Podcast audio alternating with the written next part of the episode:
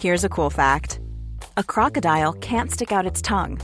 Another cool fact you can get short term health insurance for a month or just under a year in some states.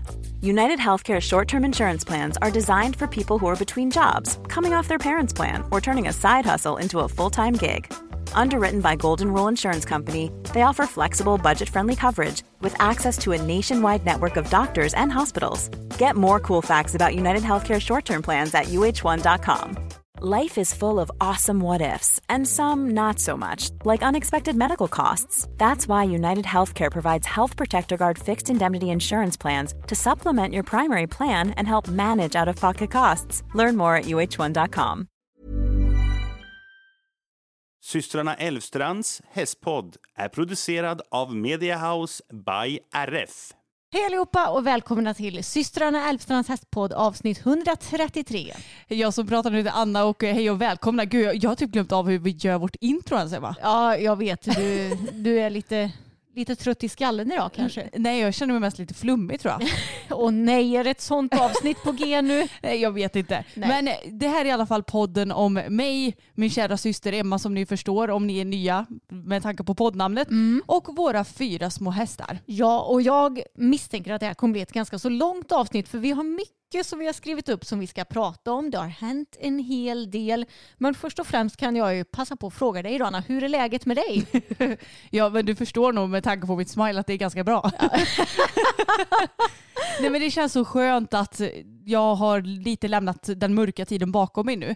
Jag märker det bara i vardagen att jag mår så mycket bättre och jag känner mig gladare, piggare, eh, ja, allt sånt. Hur mår du? Jo, men jag mår också bra. Och det är ju tyvärr så att om hästarna går bra och känns bra så påverkar det ens eget mående väldigt mycket. Och Bella hon är så fin nu. Mm, och då blir du glad. Då blir jag glad. Och det känns som att det mesta flyter på. Nu börjar vi komma tillbaka igen till våra vanliga rutiner. Det är inte så varmt längre så man kan ju först och främst träna på gymmet direkt på morgonen vilket jag tycker är väldigt skönt så man kommer igång. Hästarna är fina, vi har börjat komma igång ordentligt med jobbet, uppdatera som vanligt på Youtube och så vidare. Så det känns ändå skönt även om jag är lite ledsen över att sommaren är slut nu. Jo men samma här. Även om jag inte mår dåligt över det så är det ändå ett litet stygn av saknad över att det är slut nu. Det är, nu skulle man ju egentligen åkt utomlands en sväng. Jag vet för att liksom krama ut så här det sista av sommaren och säga lite hej då fast så man får ett ordentligt avslut om du fattar vad jag Ja, menar. och det, det känns som att ska jag inte bada nu på så länge? Det är det jag älskar att göra. Man kan ju bada ändå. Anna. Jo, men det är inte samma sak. Nej, jag vet, jag håller med. Nej, men jag gillar ju egentligen hösten. Det är det som kommer efter hösten som jag hatar så otroligt mycket. Så det är det liksom, jag, jag gillar ju hösten men jag vet ju vad som komma skall sen och det gör ju mig lite, ja, lite omotiverad. Same girl. Ja, same girl. Vi har inga problem med värmen. Nej, jag, faktiskt inte. Jag är Nej. lite sån där att ja, det är klart att det är ju lite jobbigt att svettas och eh, alltså, ma- man känner sig som en svamp ibland för att man är så himla blöt på typ hela kroppen. Men jag är också sån att man vet att när man är klar, ja då kan man duscha och känna sig lite fräsch i fem minuter igen. Nej men jag vet inte, jag har, jag har inga bekymmer med värmen. Jag har ju haft det förr dock. Mm, det har du kanske haft. Ja men jag har ju hatat sommaren för att det innebär att smörja in sig och bränna sig och Ja, vara varm jo, och det, sånt där. det är faktiskt sant. Du klagar inte lika mycket längre. Nej jag klagar inte alls. Nej, exakt. Det gör Nej. du inte. Jag har blivit en riktig sommartjej. Den enda som kan klaga lite ibland det är jag när jag måste smörja in Annas rygg när hon ska ligga på mage och sola. Ja, men det, det här som jag kan bli lite ledsen över. För att jag är ju en person som måste ha smörj. Ja, Eh, och med smörj menar jag inte stryk utan jag menar att jag behöver solkräm. Och då när man ber lite snällt så får man alltid en suck innan det smörjs. Som om jag kan rå för det. nej det kan du inte göra. Nej. Nej, så när mamma är med oss, typ när vi badar, så brukar jag alltid säga åt henne det är du som valde att skaffa det här barnet så nu får du smörja in henne.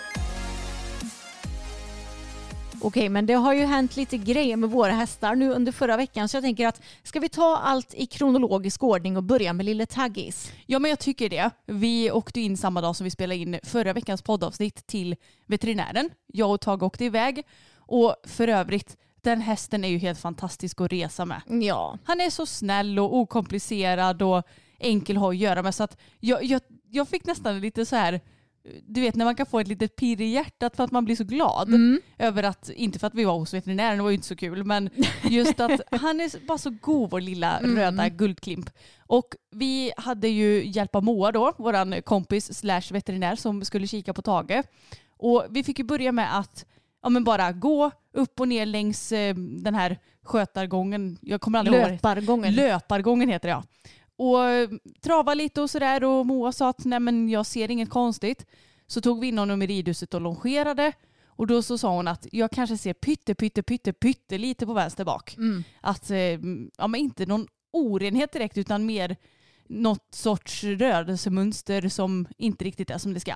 Och sen så longerade vi även på hårt underlag och ja, men man såg ungefär samma sak där. Och då så frågade Moa mig om vi skulle ta och böja honom för att han är ju ändå 22 år nu. Han börjar bli en gammal gubbe. Mm. Och det är ju alltid lite så att ja men det säger väl sig självt att äldre hästar de kanske inte går igenom böjprov lika bra som yngre hästar. Men eh, jag sa att jo men jag tycker ändå att vi gör det för att vi får väl bara ha i åtanke att han är lite äldre men att det kan ju komma fram någonting som vi vill få reda på. Så att eh, vi böjde honom och på frambenen så var han hur fin som helst. På bakbenen lågt så var han också väldigt fin. Men när Moa böjde högt i bak så reagerade han på båda bakbenen. Och med högt i bak medan det bakknäna då eller? Ja, jag frågade Moa vad är det han reagerar på och Mm. det kan man ju inte riktigt veta. Det kan vara antingen has eller knä men det är ju inte kotan eller så då. Nej, precis. För när man böjer lågt så är det ju snarare kotan och hoven som man Mm. böjer. Visst har han artros i haserna i bak? Ja, alltså Ja. det är det här som är grejen. Jag kommer inte riktigt ihåg alla Tages fel. Vi har ju hållit på och åkt in och ut för veterinärer sedan han var typ ja, tio eller Ja, knappt ens det tror jag. nio, åtta. Nio, tio, ja. ja. Mm. Någonting sånt där så att det har ju varit ett par turer så att säga. ja, men jag är ganska säker på att han har artros i just haserna. Jag vet att han har det i höger bak i alla fall. Mm. Höger has. För att eh, det har vi ju röntgat en gång när han fick ett benbrott i hasen för inte så jättelänge sedan. Det är väl sist vi var inne hos veterinären tror jag. Ja, när han fick en liten spricka va? Ja, en liten Mm. flis som hade hoppat Mm. ur eh, hasen för att han hade fått en spark. Nej men så att han var ganska rejält påverkad ändå av det böjprovet. Så att han var ganska rejält halt. Och det kändes ju såklart inte så bra. Men samtidigt så tycker jag att det är skönt att han reagerar på någonting för då kan man ju ändå göra någonting. Men som Moa sa att det är lite svårt att veta exakt vad det är som är fel. Så att jag skickar hem er med en metakamkur på tio dagar och sen så vill jag att du rider igång honom under en vecka. Och då ska vi varannan dag bara skritta och varannan dag rida normalt egentligen. Kanske inte rida hur hårt som helst men ändå i alla gångarter och känna av läget. Och sen så får vi boka in en ny tid och se vad, hur det verkar. Mm. Men eh, han, det går ingen men på honom. Han är bara asglad i hagen Ja. just nu. Det är han verkligen. Så vi får se lite vad som sker med taggemannen. Mm. Men ja, det känns inte som att det är någon större fara. Men han är ju gammal. Han har lite skavanker och pålagringar här och där. Så i värsta fall kanske han bara får bli en liten pensionär som går i hagen och har det gött. Ja exakt. Vi eh, får ju ändå vara inställda på att det kan bli det beskedet inom citationstecken. Och jag, eh, det är klart att det skulle vara skittråkigt om vi inte fick rida honom något mer. Men samtidigt så är jag bara glad om han kan få vara pigg och glad i hagen. För att Mm. det hade jag ju önskat att Boppen också hade kunnat Ja, bli. men, eh, exakt. ja, det, det är ju vad det är. Ibland skadar de sig och ibland inte. Ja, Så huvudsaken är att han mår bra. Ja. Och det vet vi om att han gör nu när han bara går i hagen.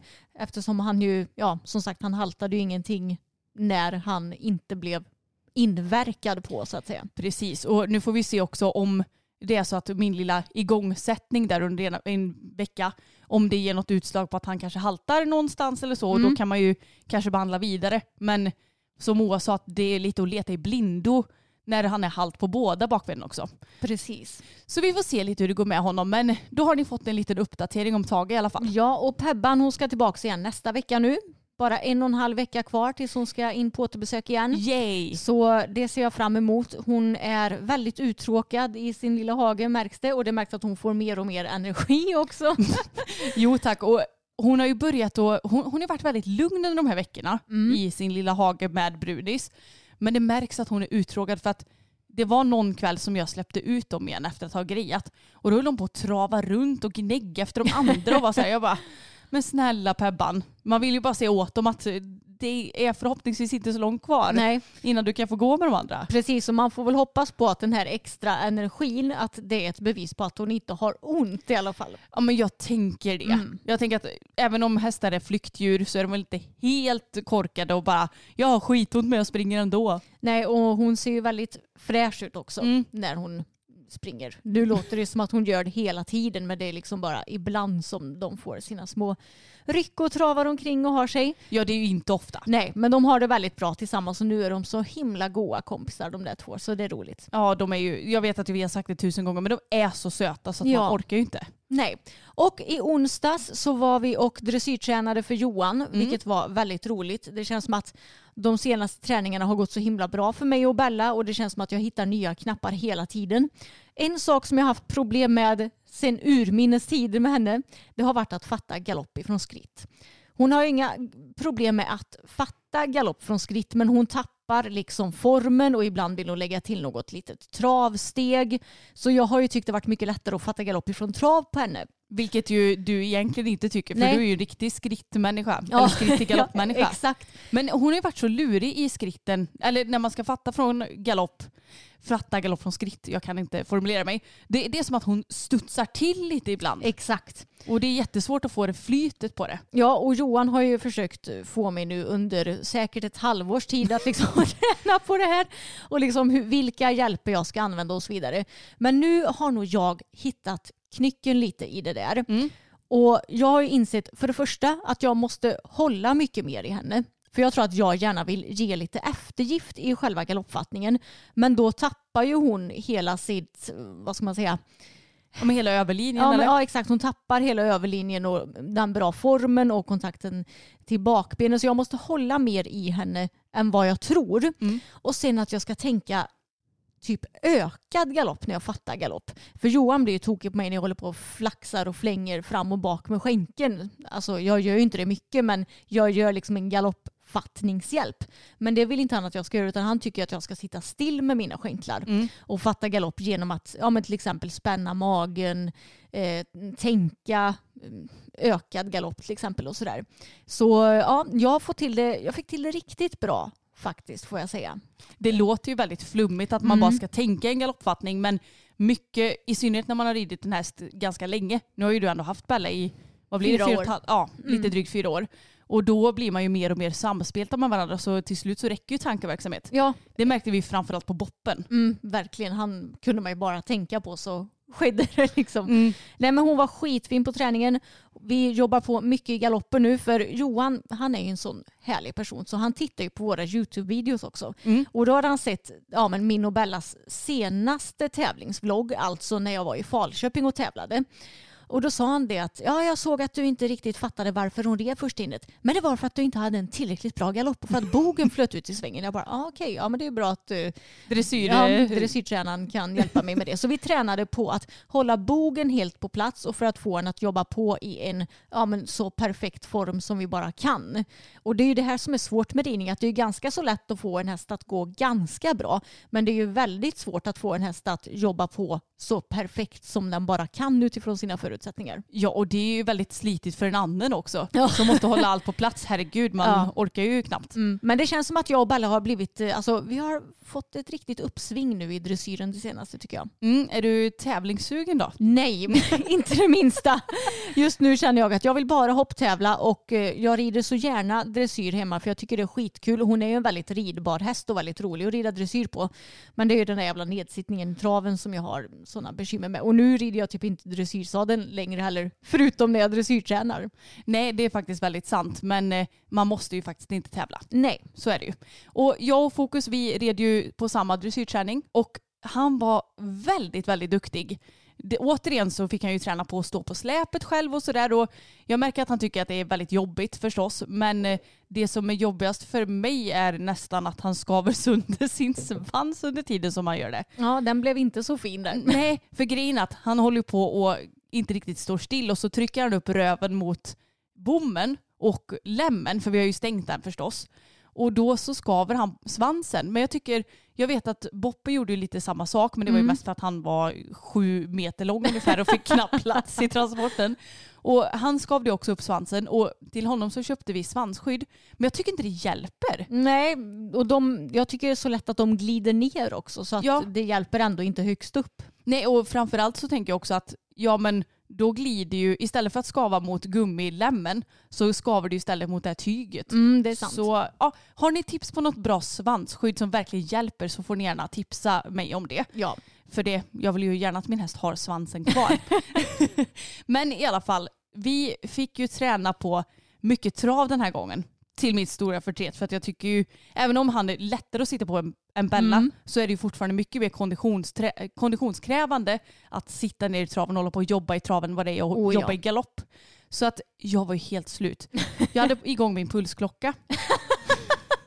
Och nu kommer jag inte ihåg exakt hur länge, men gud det kan jag ju kolla upp tror jag. ja, för det här är ganska så intressant statistik ska jag säga. Och, Och- och kanske en indikation på hur dålig kondition den här människan har. Jag ska ju fortfarande ta tag i och kolla upp om jag har ansträngningsastma för övrigt. Men vi är inte så bra på att ta tag i saker du och jag Anna. Jag är ganska så säker på att jag har det. Det roliga är att nu när jag har gått in på min app så står det här att jag är överbelastad. Jag har tränat mycket mer än vanligt de senaste dagarna. Om du fortsätter så här så kommer det i längden att öka risken för sportrelaterade skador och träningen kan bli kontraproduktiv. Men det är ju bara för att jag har inte tidigare loggat min ridning som träning. Nej, mm. För att jag har varit så här, ja men det- är skitsamma. Jag vill mest logga min gymträning Ja. för att se hur mycket puls och allt sånt där Mm. som eh, krävs av mig. Mm. Men eh, nu har jag börjat logga ridpassen också så därför så säger nog min klocka att eh, hörru du du. Så här mycket har du inte tränat tidigare Nej. fastän att du har gjort det Ja, under många år. Nu har jag äntligen kommit in på mitt ridpass här. Och jag loggade 50 minuters träningstid för att jag eh, stängde av direkt när jag, innan jag skulle skritta av. Annars hade det nog blivit 60 minuter för jag skrittade av också såklart. Och snittpuls låg på 153. Jag tror min vilopuls ligger på 70 kanske. Ja. Jag kommer inte ihåg exakt. Mm. Och om vi kollar här då så står det mycket högt på hjärtbelastning. och sen så ska vi se här. Här är ju de olika pulszonerna Zonerna. zonerna exakt och då finns det 1 till 5. Jag var i den första pulszonen i 4 minuter och 27 sekunder. I den andra i 5 minuter och 15 sekunder. I den tredje i 12 minuter och 43 sekunder. I den fjärde pulszonen var jag i 12 minuter och 24 sekunder. Och i den femte pulszonen var jag i 16 minuter blankt. Det är sjukt. Så ni förstår ju hur jobbigt den här dressyrträningen var. ja. I en, över en kvart av de här 50 minuterna så har jag alltså suttit med hjärtat som bara. Så att jag förstår att min klocka säger åt mig att jag tränar för hårt. Verkligen. Nej men det var väldigt nyttigt faktiskt för att dels så tränade vi på att han skulle få en aktiv trav och att han gärna skulle ha lite mer trav än vad han brukar. Vilket ju innebär att det är väldigt jobbigt för mig också såklart. Och sen så fick vi faktiskt lov att börja prova lite passageaktigt. Och med passageaktigt så menar jag ju inte en full-blown passage såklart för att det är väl många steg dit. Men ändå början till det. Och då fick jag göra som så att jag travade i den här lite framåt traven. Och sen så sa Johan till mig att nu så vill jag att du eh, går åt passagetakt. Och då fick jag bromsa lite med min axel bara. Och det innebär att jag ska egentligen inte ta mer i tygen utan bara dra bak min högra axel lite grann och spänna den. Mm. Och sen så när jag känner att ja men nu börjar han ändå gå åt det hållet så skulle jag släppa och få fram honom i traven igen. Och det är just det här som jag tycker är så bra med Johan för att allt går väldigt, väldigt successivt och det är väldigt eh, vänligt mot hästen. Det är inte så att man helt plötsligt bara nu ska du gå i piaff och så står man där med långpisken i mitten. Mm. Utan det är väldigt, väldigt mjukt och fint och att de får lov att verkligen bygga styrka under tiden. Mm, Jag tänkte säga det uppbyggande. Och, och att man ska hjälpa hästen att hålla sin egen balans. Mm. För ofta så är det ju vi ryttare tyvärr som gör hästarna obalanserade. Vilket ju jag verkligen har insett med Bella nu det senaste. Mm. Att jag kan tycka att hon kör in rumpan hit och dit men att det i själva verket är jag som sitter så att hon kör in rumpan hit och dit till Ja. exempel. Precis, det är ju verkligen ofta så att vi hjälper dem mer än hjälper dem många gånger tyvärr. Men det är ju sånt som vi också lär oss med tiden. Och vi fick också göra lite diagonalslutor och sen så lite galopp också. Och då gjorde vi något byte och sådär. Och jag har kommit ur det lite grann eftersom jag tävlar med HC nu så vill jag inte lägga för mycket krut på bytena för tillfället. Men eh, Nej men han var jättefin och jätteduktig och jag tycker det är så kul att vi får lov att börja jobba mot de svårare grejerna nu. Mm. Det känns som att, ska, ska vi göra det nu? Eh, Okej, ja, jo men absolut. Man måste ju utmanas för att eh, komma vidare också. Mm. Och då är det ju väldigt bra att kunna göra det när man har tränares hjälp. Ja, verkligen. Men på tal om medels för se så kan vi gå vidare in på helgens tävlingar, Anna. Mm. För vi har ju lyckats då den helgen som var nu att boka in oss så att vi tävlade på samma dag och då inte heller på samma plats eller i samma gren ens en gång.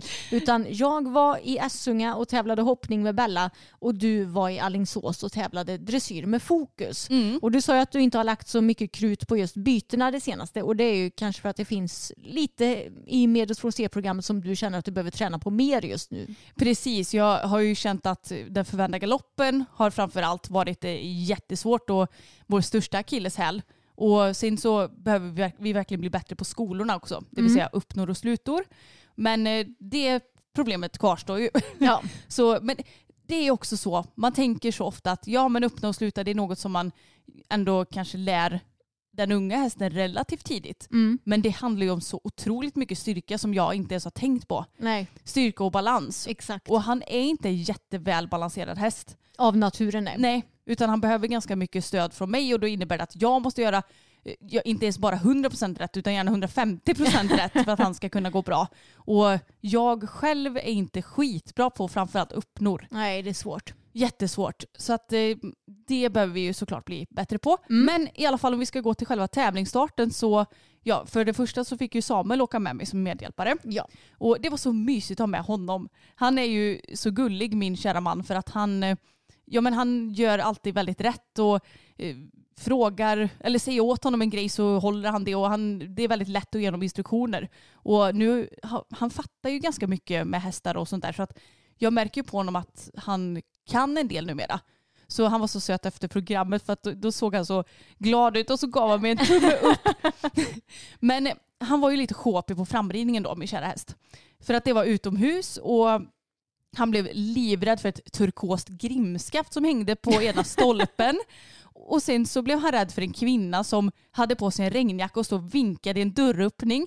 Då tvärvände han och då red en annan kvinna bakom mig och hon bara Åh förlåt var det vi som skrämdes? Jag bara eh, nej det, det var en annan kvinna som stod där borta och vinkade. Man bara ah, vad rimligt fokus.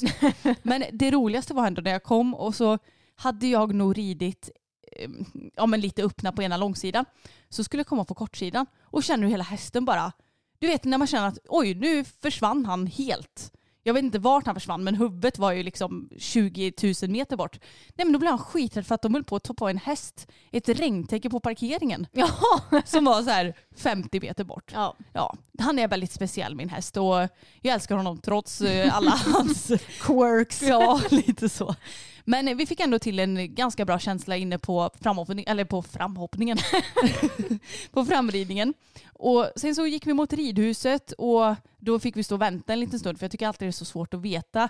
Ligger de rätt i tid eller är de sena? Ja, man, man har ingen aning. Så då är det lika bra att gå ner i tid och då fick vi stå och vänta en liten stund. Men då var han jättelugn och fin. Och sen så gick vi in på banan och då tänkte jag att nu jäklar ska vi ta galopp på en gång här för att jag är gärna sån att jag, ja men först så tar vi lite skritt och sen tar vi lite trav och sen så kanske vi hinner med någon lite galopp. Men jag är som jäkig Jag, ibland. t- jag tänkte säga, nu har du ändrat taktik. Jajamensan, nu har vi ändrat till lite mer galopp så att jag skrittade bara in på banan och sen så fattade jag galopp ganska så snabbt när den andra ryttaren hade hunnit ta sig ut från banan. Och så galopperade vi längs med långsidan och sen så började vi närma oss domarbordet. Och då blev min häst lite rädd för att sakta något till skritt och skrittade förbi. Ja, Men hellre det än att han håller på och kastar sig och har sig tycker jag. verkligen. Så sen när han hade fått titta lite så fattade jag galopp och la en volt och det gick bra och titta på domarbordet och det gjorde vi åt båda håll och sådär. Och så till programmet då. Jo men visst satte Lavi de båda förvända galopperna utan problem. Ja, verkligen. De var så bra. Mm. Så himla mycket bättre än vad de har varit och det är jag så otroligt glad för. Jag tyckte han kändes väldigt fin överlag. Det enda som kanske inte var så jättebra var väl skolorna för det mesta, det vill säga öppnarna och slutna. I den ena öppna så snubblade han till och med lite grann. jag tror han tappade balansen helt och- och det var ju antagligen mitt fel. Jag skyller inte på honom.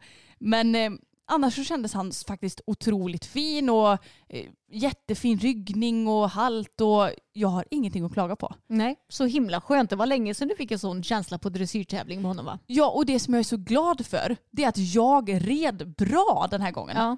Och verkligen jättebra. Jag kände att blev det någonting att han kröp upp lite i formen så tog jag tag i vänstertygen som jag ska göra för att få honom bjuda ner näsan bara några centimeter till för att verkligen få den här rundade kroppen. Och Mm. eh, om han blev något fjantig så var jag kvick med inskänken och ja men du vet.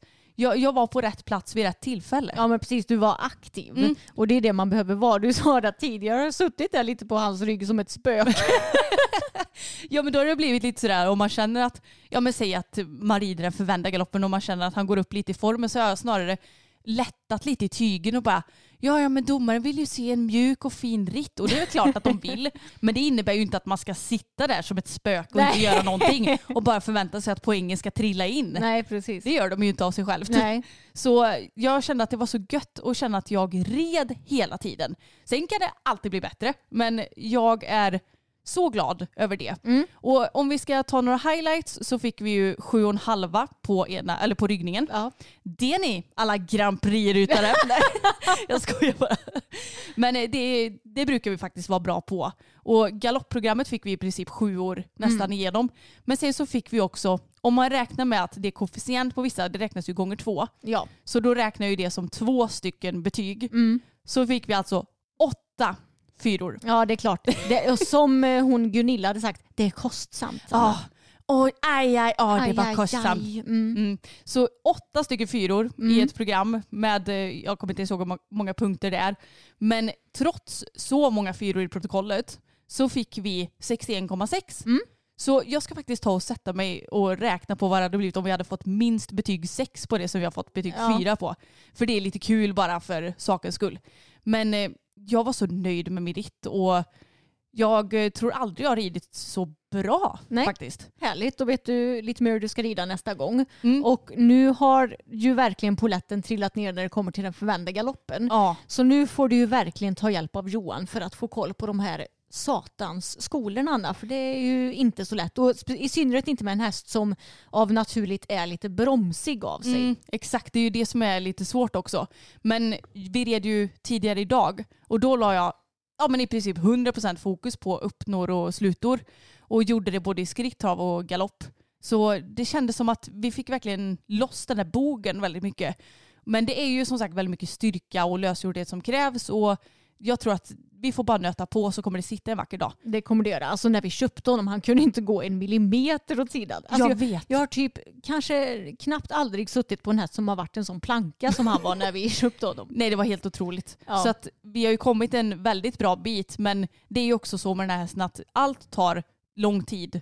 Och om man tror att det tar lång tid så tar det liksom 20 år till ungefär. Ja, men det, jag tror det kan vara värt det för jag tror att han är en sån häst som om han får hålla sig skadefri, han kommer ju kunna ridas hur länge som helst känns det som för han blir ju bara bättre och bättre och han är ju verkligen kärnfrisk på alla sätt och vis till skillnad från till exempel lille Tage Ja. som har lite andra bekymmer och sådär. Så jag tror att du kommer att få igen det. Ja men jag hoppas verkligen det. Om inte hans eh, sår kommer börja spöka igen. Ja men då slänger vi bara på silverstrumporna vet du. Ja jag, jag är så rädd för det där alltså. Mm. Men nej, jag är så glad och jag är väldigt taggad för att på fredag redan så ska vi ju tävla igen. Mm. Och då ska jag försöka att rida minst lika bra om inte bättre. Ja, kul kul. Mm. Och jag var också iväg i helgen, eller det var ju samma dag som dig då. Så jag drog med min pappa till Essunga med Bälsan och hoppade en meter.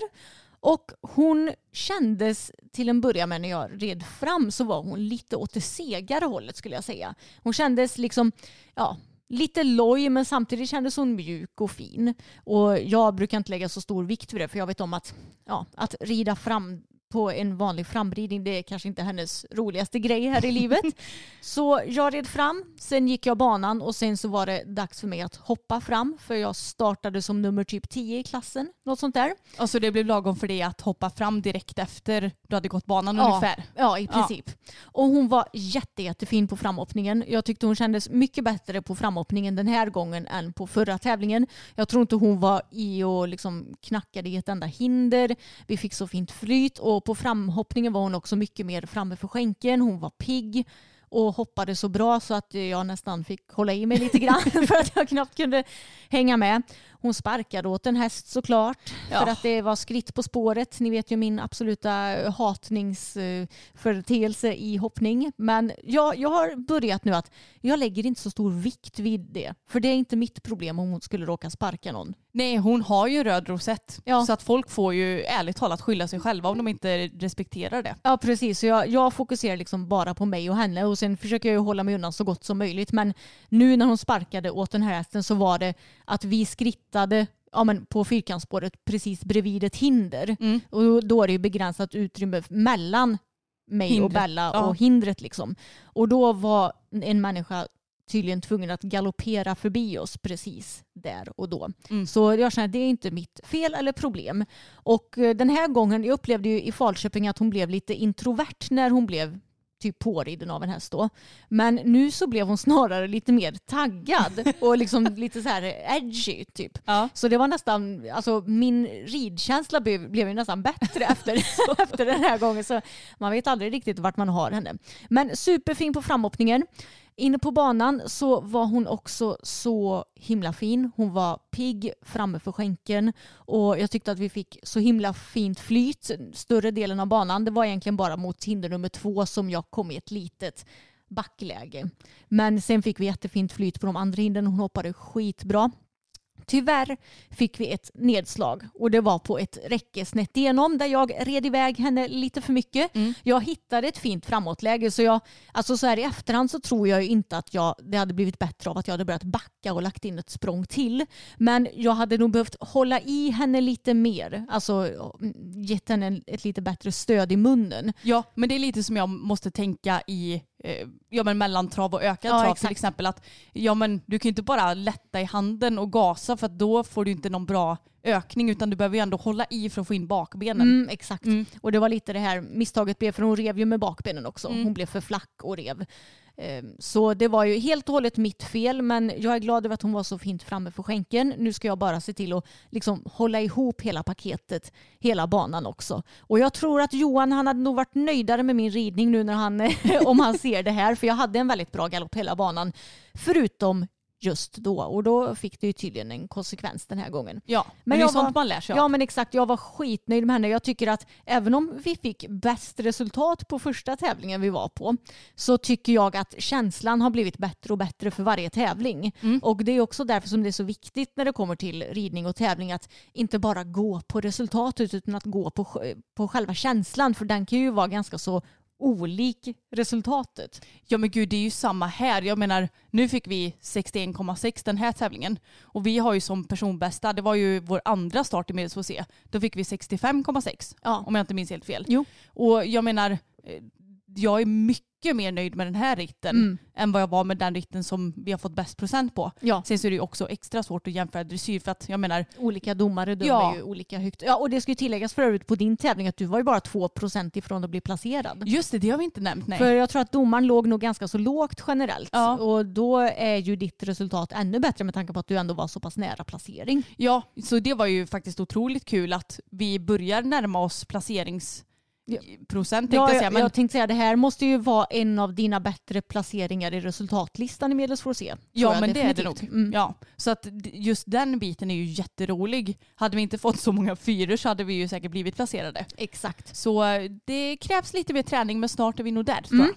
Och jag blev ju lite så här, ja, men när jag hade hoppat den här en meterklassen med Bella, att jag tyckte att det kändes så enkelt. Så då kände jag att ja, men 1,10 det är inte så långt bort nu ändå. Nej, Så- Om du siar lite, när tror du att det blir? Ja men i höst någon gång Ja. är planen. Jag vet att du, du har ju sagt Anna, hej jag tycker att du ska starta 1.10 snart med Bella för vem vet när hon skadar sig igen. Har jag sagt det? Ja, det har du gjort. kommer inte jag ihåg Jo det har du gjort Anna. Det har du gjort. Det är, ju- fast det är ju fan lite sant. Det är hon sant. är ju lite sån. Hon är ju en liten klumpeduns men jag, man ska väl inte heller ta för givet att sin häst eh, ska gå och skada sig. Nej och sen så behöver man ju inte hetsa bara för att Nej. "Ja, tänk om hon skadar sig. Exakt, men nu är hon ju igång väldigt fint. Hon blir bara i bättre och bättre form hela tiden. Eh, jag tycker hennes ridbarhet har blivit bättre och bättre också sen i somras. Så jag är sjukt peppad och taggad för jag ska också tävla igen nu på söndag. Sen blir det tyvärr några veckors uppehåll i september då vi har så många andra planer så vi kommer inte hinna med att tävla helt enkelt. Nej, men eh, jag tänker också att nu blir det lite halvintensivt här så att då gör det inte så mycket att vi tar några veckors paus. Nej, precis. Och jag måste ju bara berätta lite om hur det är att åka iväg själv med pappa på tävling också. För han är ju som ett spöke ibland. Ja, det, man- det är han och jag som är Ja. lite spöken ibland. Precis, för nu den här tävlingen då, då var ju bara han med. Och det innebär ju att jag måste ju ha hans hjälp. Jag ville att han skulle, ja men dels såklart filma mig eftersom vi vloggar, hjälpa mig på framhoppningen om jag behövde det. Jag red fram i t-shirt för det var så varmt så han fick hålla koll på min kavaj. Jag behöver vatten och sådär innan start och allt vad det nu kan Du är vara. så krävande Ja, Ebba. verkligen krävande. Nej men då liksom helt plötsligt, jag, jag ser att han ser mig när jag går in på framhoppningen. Men sen tar det liksom hur lång tid som helst innan han själv kommer in.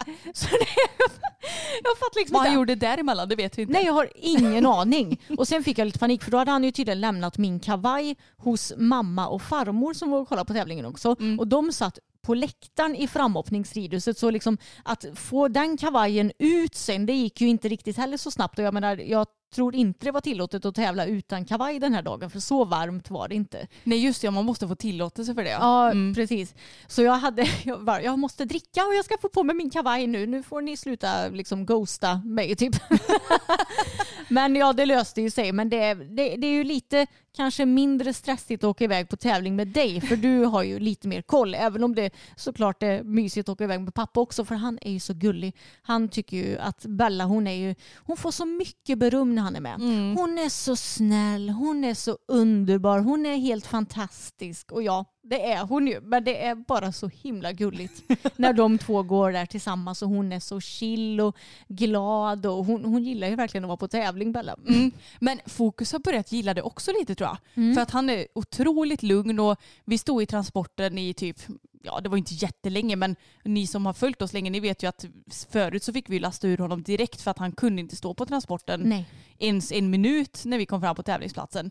Så att nu kunde han ändå stå i sådär 35 minuter medan vi tittade lite på något ekipage och gick på toa och sa att vi skulle ha en kaffe och lite sådär. så jag blir så glad över att han är så okomplicerad för fy fan vad jag har jobbat med den här hästen alltså.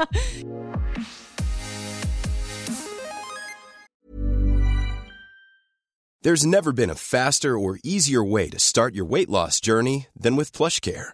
PlushCare accepts most insurance plans and gives you online access to board-certified physicians who can prescribe FDA-approved weight loss medications like Wigovi and Zepbound for those who qualify. Take charge of your health and speak with a board-certified physician about a weight loss plan that's right for you. Get started today at plushcare.com slash weight loss. That's plushcare.com slash weight loss. plushcare.com slash weight loss. Hey, it's Ryan Reynolds, and I'm here with Keith, co star of my upcoming film, If, only in theaters, May 17th. Do you want to tell people the big news?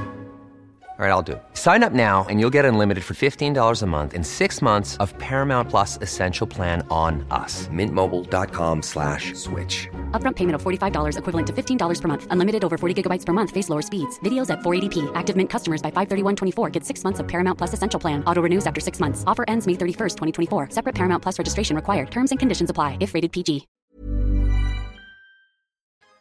I fredags så hann vi också med ett besök hos naprapaten vilket var efterlängtat efter en hel sommar utan för han har ju förstås också semester till vår förtret. Ja. och efteråt så brukar vi alltid åka till ICA Maxi i Alingsås för att Emma ska alltid kolla efter lite vegetariska grejer som kanske inte finns i vår lilla ort och sådär.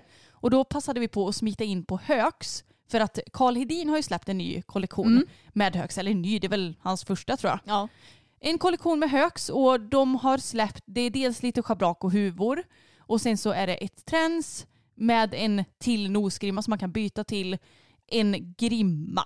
Det är väl det. Ja, för det ska ju komma hackamor och sånt Ja, sen. Men det, det var det som fanns ute i butiken som vi kunde kika på i alla fall. Exakt. Ska vi ta och börja lite och diskutera de här Mm. grejerna tycker du? Det kan vi göra. Och det här vet jag också har varit efterfrågat i vår Facebookgrupp som heter systrarna Älvstrands hästpodd Eftersnack. Och där har ju redan diskussionen börjat lite grann. Ja. Och jag tycker det är kul för vissa grejer som någon kommenterat, alltså jag är ju inte världens mest detaljfokuserade människa. Nej. Så vissa grejer har jag lite missat eller kanske inte tänkt på eftersom jag, jag är lite mer, eh, jag, jag har inte ett öga för detaljer så att säga. Nej, du är lite mer helhetsperson ja, eller? Ja, det kan man säga. Lite flummig, så här. Ja. lite disträ typ. Men eh, vi har ju som sagt känt och klämt på det. Ska vi lägga ut lite bilder på det på vår Facebook-sida kanske Anna? Ja, men det kan vi göra. För det är ju lite kul att få lite IRL-bilder.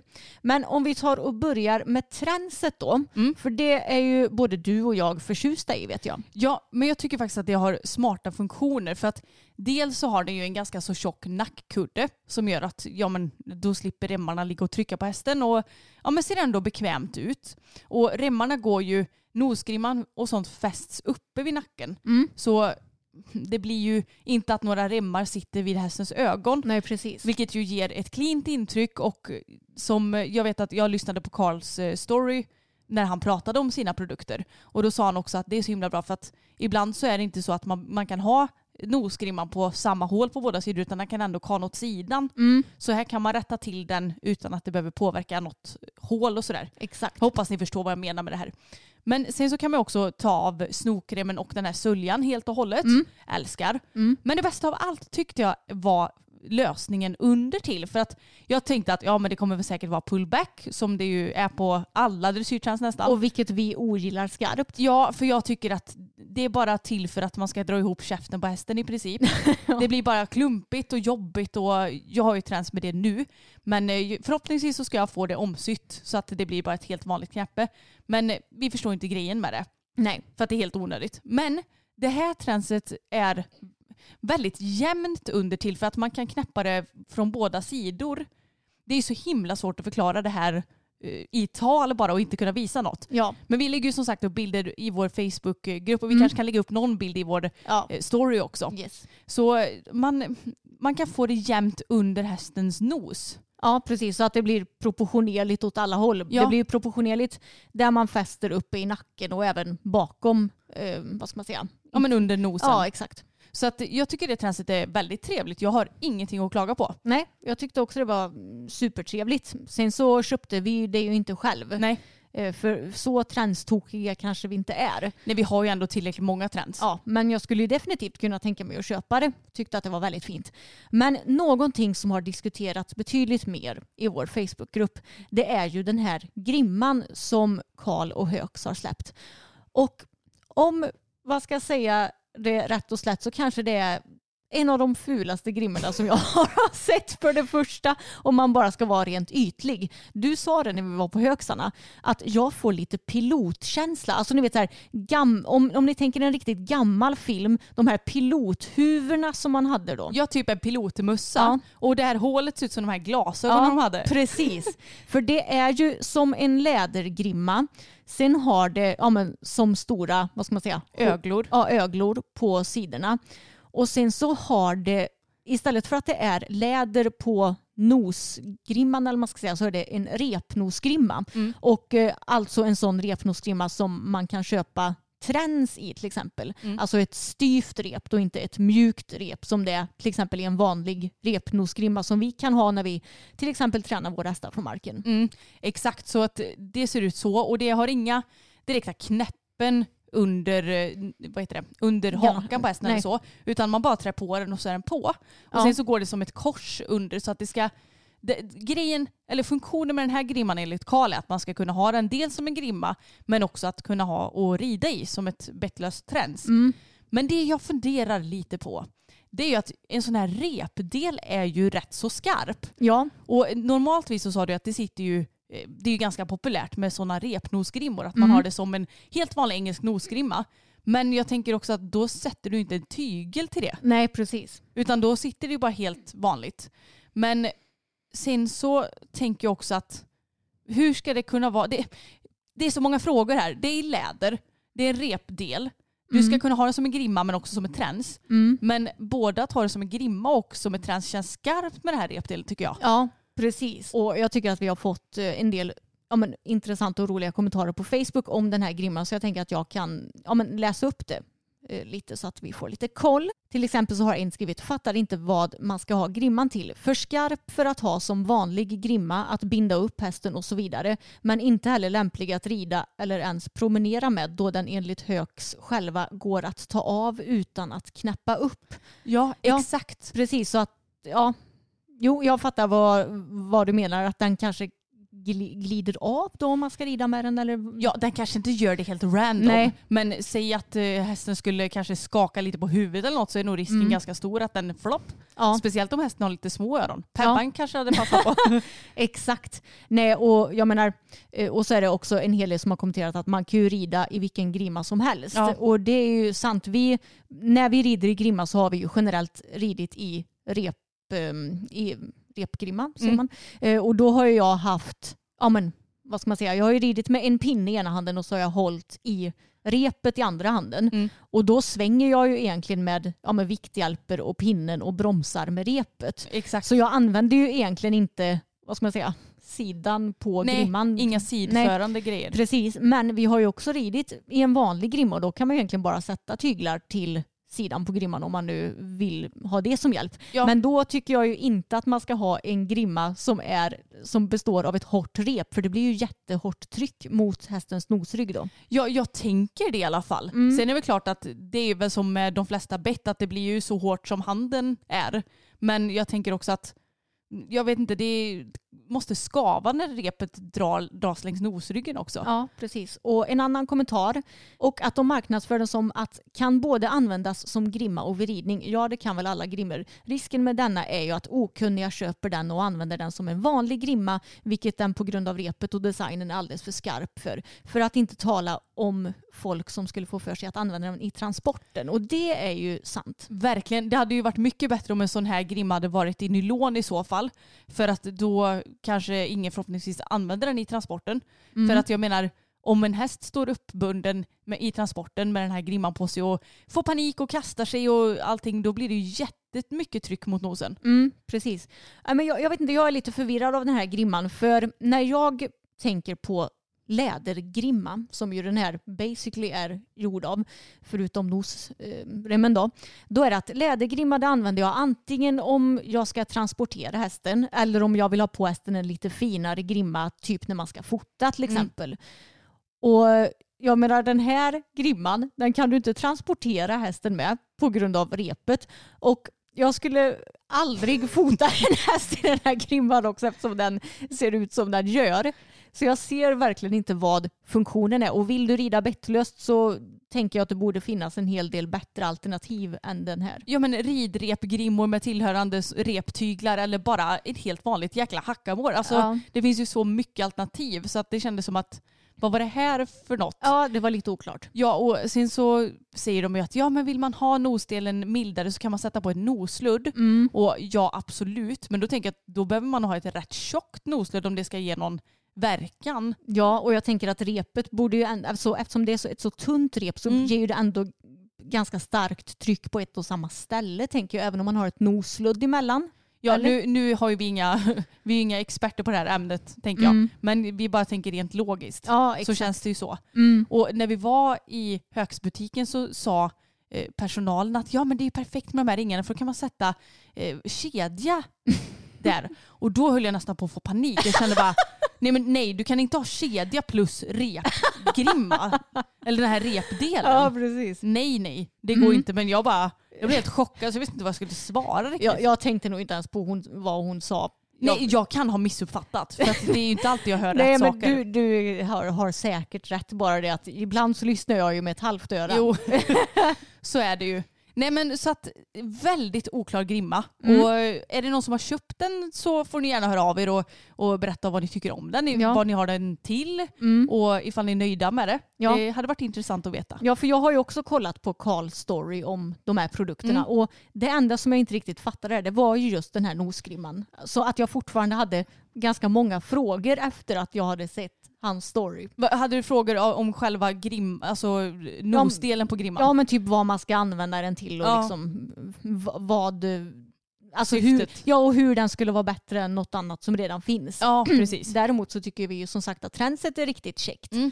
Så, och, och som har många bra funktioner. Och den här andra nosgrimman som man har gjort, det, den är säkert också jättebra. Det var ju för att eh, ja, men hjälpa till om man rider unghästar till exempel som ja, har lite problem med tänderna och, och sådär. Ja, precis. Och behöver olika sorters avlastning. Så det, den är säkert också jättebra. Men jag känner mig inte tillräckligt insatt i hur unghästar har det med tänder för att, för att prata om det. Och så hade han väl släppt ett par tyglar också som hade stroppar lite närmare varandra. Just det. Och det finns säkert en eh, efterfrågan på det så det kommer säkert också vara toppen. Men det är ju just den här grimman som var lite knasig. Jag håller verkligen med. Mm. Men det roligaste och kanske knasigaste av allt det var ju när vi skulle gå ut härifrån Emma. Ja, ifrån eh, Högsbutiken och Ja. eh, Ica Maxi. För att det, det ligger ju i ett, em, ett varuhus eller sådär. Ja, Ett ty, ja men typ som ett köpcenter. köpcentrum. Ja. Exakt. Och då när man ska gå in och ut från det här köpcentret så är det en sån här snurrkarusell som det är i många butiker för att man ska slippa öppna och stänga dörrar och sådär. Jajamän, jag och Emma vi tar oss mot utgången och när vi gör det så ser vi att det står en eh, man med en suppbräda där inne och jag tänkte bara oj han, han var visst lite malplacerad, vad gör han här inne egentligen? Ja och han var blöt också så han Mm. hade varit ute och suppat. Och för er som inte vet vad supp är så är det stand-up paddleboard. Och då, det är som en jättestor surfbräda nästan kan man säga Mm. som man står upp och paddlar på. Och det finns ju en sjö som ligger precis bredvid det här köpcentret också så han hade säkert varit där. Ja, antagligen. Så han var ju barfota då. Mm. Och så hade han en våtdräkt. Inte en hellång utan han hade en sån här shorts-våtdräkt och typ, det var nog t-shirt-modell också Ja. tror jag. Ja, och så var det någon eh, farbror som stod och väntade på att eh, den här mannen med suppbrädan skulle gå ut och då sa han ja men du kan gå före mig. Och jag och Emma stod kvar och väntade för jag bara alltså han kan ju inte släppa före varenda människa, Nej. då kommer vi aldrig komma ut. Då får han stå där hela dagen dessutom. ja, för det var ju ganska mycket folk också. Klockan var väl typ halv tre, tre på Ja. eftermiddagen, en fredag. Då är ju det ändå ganska så mycket folk Mm. där. Nej men så att eh, han gick ju före mig och Emma då. Och så börjar, tar han sin suppbräda och går och så snurrar han runt i den där karusellen och då så ser vi att han, hans båtdräkt har spruckit i röven så att där var två skinkor också. Ja. Ja, det var inte liksom bara så här att ja, man ser liksom själva stjärtskrevan lite grann. Utan det är verkligen som ett stort hål på hela röven så att båda skinkorna hänger ut. Nej, men det, det är något av det konstigaste jag sett. Ja, han visade verkligen hela röven och det såg inte vi först för då hade han ju suppbrädan som täckte röven. Ja. Men sen när han gick så var han ju tvungen att räta ut den. Så då visade han ju hela röven för oss och alla som var bakom oss och såg honom när han gick ut därifrån. Ja, det, det var speciellt kan jag säga. Och min blick till dig Emma, den var inte nådig. Jag bara, vad är det vi ser? Ja, men jag, först tänkte jag bara, vad, ska det vara så? Tänkte jag. Nej men den måste ju ha spruckit. Den måste ha spruckit. Det var ändå ganska så bold av honom att gå in i liksom ett varuhus med hur mycket människor som helst då också. Verkligen. Du sa det, det här är nog topp tre konstigaste som jag har sett och det är Ja. det nog för mig med. Och jag bara, jag, jag visste knappt vad jag skulle säga efteråt. Jag bara, vad, vad, är det vi, vad är det vi bevittnar egentligen? En stjärt ute och går här. En alldeles bar stjärt. Som inte är under två år gammal. Nej. Eller under tre år kanske. Jag och Emma vi fick en artikel från Aftonbladet skickade till oss som heter Män utövar sin makt mot unga tjejer. Och eh, det är ja, men en stor, ett stort uppslag i Aftonbladet som heter Stallslavarna. Och den här artikeln handlar om att eh, många unga tjejer blir utnyttjade. De blir lovade guld och gröna skogar om att de ska få bil och de ska få vit lön, vilket innebär att det är skattat och klart. Och de får, ska få ja, men, en ganska så god lön ändå och bra arbetstider och de ska få raster och ja men ni fattar, en, en helt okej arbetsupplägg så som det ska vara på vilket företag som helst. Men sen så när de väl börjar arbeta så visar det sig att det här stämmer inte överhuvudtaget. Nej, att de, Lön- ja, att de typ får jobba så dubbelt så mycket som, de, ja, som det har stått att de ska göra. Jag vet att en eh, tjej som är med och, och pratar i den här artikeln hon har ju faktiskt fått ett eh, anställningsavtal Ja. där det står vilka arbetstider hon ska jobba, vilken lön hon ska ha och andra sådana villkor. Men sen när hon väl börjar jobba så visar det sig att det här stämmer ju inte alls utan hon får ju jobba sjukt mycket mer Mm. än det här. Ja, och det står i artikeln att den här tjejen går, eller gick när hon jobbade på det här stället, 35 000 steg om dagen. Och då innebär det väl bara att hon går. Ja. För jag menar, eh, när jag rider så kalkylerar jag även stegräknaren när jag, när jag travar och galopperar. Och då kan det ju såklart bli väldigt många steg om dagen. ja. Men den här tjejen fick ju också jobba så långa dagar. Det var från halv sju på morgonen till, ja vad stod det, åtta, nio? Mm, Ja, nio. Nej, hon, hon sa att hon aldrig var klar före nio på kvällen. Just det, aldrig klar före nio på kvällen. Och dessutom så var det ju utlovat en timmes lunchrast men den såg hon inte röken av. Så att hon hann inte äta under dagen utan hon bara jobbade, jobbade, jobbade. Ja, precis. Och det här ledde ju då till slut att hon fick, ja, blev sjukskriven för utmattning. Mm. Och då tog hon ju hjälp av ja, Försäkringskassan för att få pengar och allt vad det nu är. Och de trodde ju att hon hade skrivit fel när det kom till både lön och arbetstimmar för att hon jobbade 85 timmar i veckan vilket ju är över 200 procent. Mm. Och så tjänade hon ju extremt lite pengar och då hade ju Försäkringskassan sagt till henne att det här är inte normalt. Men grejen också med ridsporten det är ju att det är så himla normaliserat att man ska jobba för skitlöner om du Ja. är hästskötare. Och det är så normaliserat att man ska jobba röven av sig. Mm. Så jag tycker det är så himla tråkigt men jag tycker att det är så bra av den här tjejen att gå ut med hur det faktiskt är. Mm. Och hon, det, det är inte skrivet vilket stall det är eller sådär men det spelar ju ingen roll för att det är ju väldigt vanligt att det är så här. Ja, den här tjejen som heter Lea som är offentlig då i den här artikeln. Hon, Det står att hon har jobbat för en svensk elitryttare. Mm.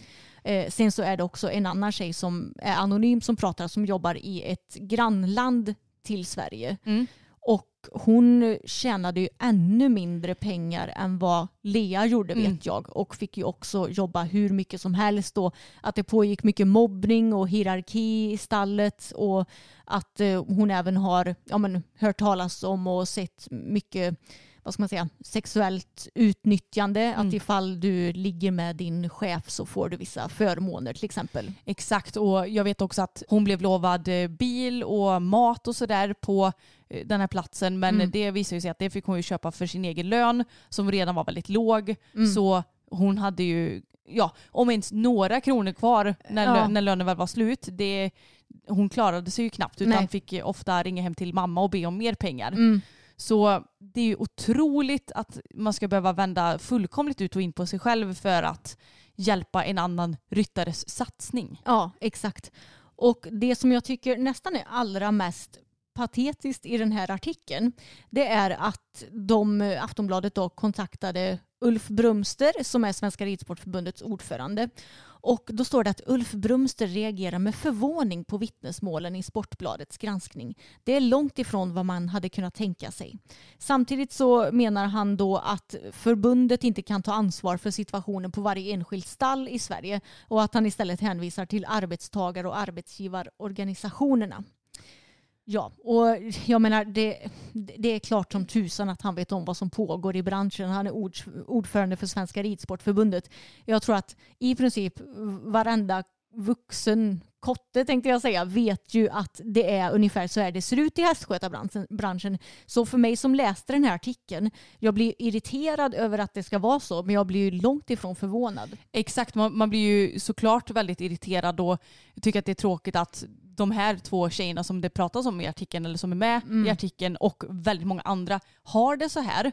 Men som du säger, man är inte förvånad. Nej, exakt. Och Anna, vi har fått ett par frågor, eller lite så här frågeställningar kanske, utifrån den här artikeln ifrån en lyssnare som jag tänkte att vi skulle svara på. Yes. Och den första är, har vi personligen hört talas om någon hästskötare som råkat illa ut?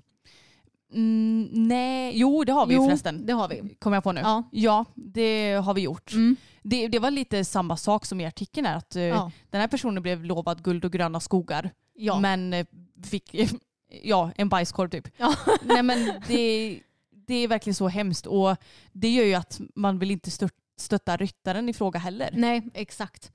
Eh, och någonting som jag har tänkt på är att vi har ju kanske ett par kompisar som har jobbat för hopprytt är det ju i deras fall. Men vi har ju desto fler kompisar som har jobbat som hästskötare i travstall.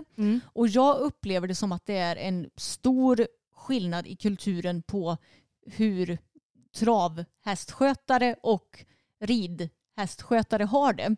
För när det kommer till ridstall så är det ju nästan liksom ja, vad ska man säga, norm att du får en svart lön, att du tjänar så max 5 000 i månaden typ.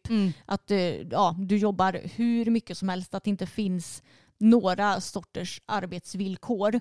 Medan våra kompisar som har jobbat som travskötare, jag vet om att det är klart att ibland så jobbar de väldigt oregelbundna tider och att det kan vara ett tufft jobb.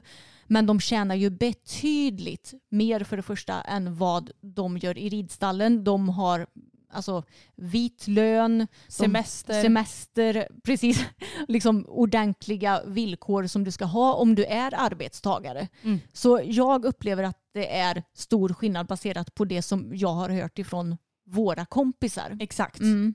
Så det är också lustigt att det är sån skillnad beroende på vilken bransch inom hästvärlden du väljer att jobba inom. Ja men det är väl säkert så att någon ryttare har satt en norm på hur det ska vara och så följer andra efter för att ja men då är det gött och slipper vi att slösa så mycket pengar på den här eh, människan och sen så blir det så. Jag kan också tänka mig att många som tar jobb som hästskötare när det kommer till, ja men säg hoppning kan vi ta som exempel då, för det är ju hoppstall som de har pratat om i den här artikeln. Att eh, de som åker till sådana ryttare och jobbar, det kanske är de som själva har en önskan om att kunna bli elitryttare och jobba med hästar i framtiden. Medan jag kanske upplever det som att de som jobbar i travstall kanske gör det mer för att de tycker att det är kul att jobba med hästar och att ja, de kanske inte nödvändigtvis själva vill jobba som travtränare i framtiden. Nej utan att de brinner för hästarna och Mm. att eh, kunna hjälpa en duktig travtränare Ja, istället. Och sen är det såklart att det finns många vad ska man säga, som jobbar inom hoppstall eller dressyrstall som också gör det bara för att Jo. de tycker om hästar. Men det känns ändå som att många kanske jobbar där för att snarare utveckla sina kunskaper inom hästeriet. Ja men lägga en grund inför framtiden Ja, också. if that makes sense. Ja men det tycker jag. Mm. Och sen två frågor som kanske hör ihop lite grann. Vad behöver göras för att hästskötare ska få drägliga arbetsvillkor och löner? Och vem, vilka ska åstadkomma dessa förändringar?